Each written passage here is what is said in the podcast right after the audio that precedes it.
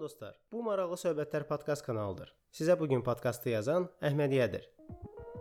Uzun müddətdir ki, podkast yazmırdım. İndi qərar verdim ki, yenidən başlayım. Bugünkü podkastımızın adı isə "Hər şey boş ver, hər şey yaxşı olacaqdır." Bundan əvvəlki podkastların birində gələcəyə daha yaxşı hazır olmaq üçün danışmışdım. Bugünkü podkastda 4 tip insan və onlardan hansının uğurlu olmaq ehtimalı daha çoxdur haqqında danışacağam. Şey boş ver, düzələcək ya da şey yola ver, onsuz da düzələn deyil. Bu sözləri deyən yəqin ki, bir çox tanışlarınız var. Bu ikisi qeyri-müəyyən gələcəyə inanan insan tipləridir. Biri optimist, ikincisi isə pessimist. Qeyri-müəyyən optimistlər inanır ki, hər şey vaxtla düzələcək, həyat bomba olacaq. Sadəcə bu proses necə formada baş verəcəyini bilmir, düşünmür də. Qeyri-müəyyən pessimistlər isə əksinə Gələcəyin bundan da daha pis olacağına inanır. Dünyada, ölkədə vəziyyət daha da pis olacaq. Qiymətlər artacaq, maaş azalacaq. Yeni texnologiyalar bizə nəsə edəcək. Nə edəcək amma bilmir və düşünmür. Amma dəqiq bilir ki, o nəsə pis şey olacaq.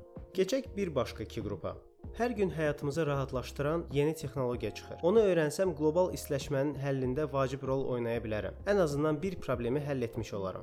Və ya dünyada hər gün bir yeni texnologiya yaranır. Gərək üstünə düşüb öyrənək, yoxsa gəlib bizim işimizi əlimizdən alacaq. Bu iki tip insan müəyyən gələcəyə inananlardır. Onlar gələcəyi bilir və ya bilməsə də təxmin edir. Təxmin edib də məlumatı analiz edib hərəkət edirlər. Müəyyən optimistlər inanır ki, imkanlar limitsizddir və o gözəl gələcəyi qurmaq üçün nəsə edə bilərlər. Müəyyən pessimistlər isə inanır ki, dünyada hər şeyin pis getmə ehtimalı var. Dəqiq nəyin və necə onların həyatına mənfi təsir edə biləcəyini bilir və ya təxmin edirlər. Yaxşı, sizcə bu 4 tip insanlardan hansının daha uğurlu olmaq şansı var? Əlbəttə ki, müəyyən qrupun insanları. Yəni müəyyən optimist və müəyyən pessimistlər. Optimistlər imkanlar görür, pessimistlər isə riskləri. Lakin burada onu qeyd edim ki, görmək və etmək eyni şey deyil. İmkanlar və riskləri görüb onları istifadə edib və ya qarşısını almasaq, dəyərimiz qeyri-müəyyən insan tiplərinə heç bir az da yüksək deyil. Hər şeyi bilib, amma heç bir nəticə göstərməmək fikrimcə israfçılıqdır. Bu müəyyən insan qrupuna düşüb nəticə əldə etmək istəyirsinizsə, bu sadə, hətta deyərdim primitiv sxemlə başlaya bilərsiniz. İlk növbədə özünüzə sual verin. Bu məsələ nə dərəcədə sizə maraqlı və önəmlidir?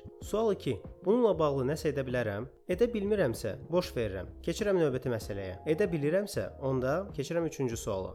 Bu məsələni necə həll edə bilərəm? Bu sualı özünüzə verib həll yollarını araşdırın. Şansınızı biraz da artırmaq istəyirsinizsə, ikinci sualı boş verin. Bizim beynimiz bizə həmişə ən rahatını təklif edir. Edə bilərəm ya yox sualını versəz, iki variantdan ən asanı yox cavabı olduğuna görə beynimiz onu seçəcək. Siz də qəşəng oturub çay, kofe, pivə içəcəksiniz ki, onsuz da mən heç nə edə bilmərəm və boş verib orta statistik insan həyatını davam edəcəksiniz. İstəyiniz budursa, edin. Amma güman edirəm ki, bu podkastı qulaq asanlar arasında belə insanlar yoxdur. Dərhal 3-cü necə edə bilərəm sualına keçsəz, beyniniz ən rahat həll yolu tapana kimi işləyəcək. Kimyəvi cədvəli yazan Mendeleyevdəki kimi yuxunuza belə girəcək. Belə dostlar, bu əşi boş ver. Hər şey yaxşı olacaq podkastı idi. Və bu podkastda əsas ötürmək istədiyim mesaj o idi ki, boş verməyin. Heç nə etməsəz, heç nə də düzəlməyəcək. Güman edirəm ki, sizə maraqlı oldu. Növbəti podkastlarda görüşənədək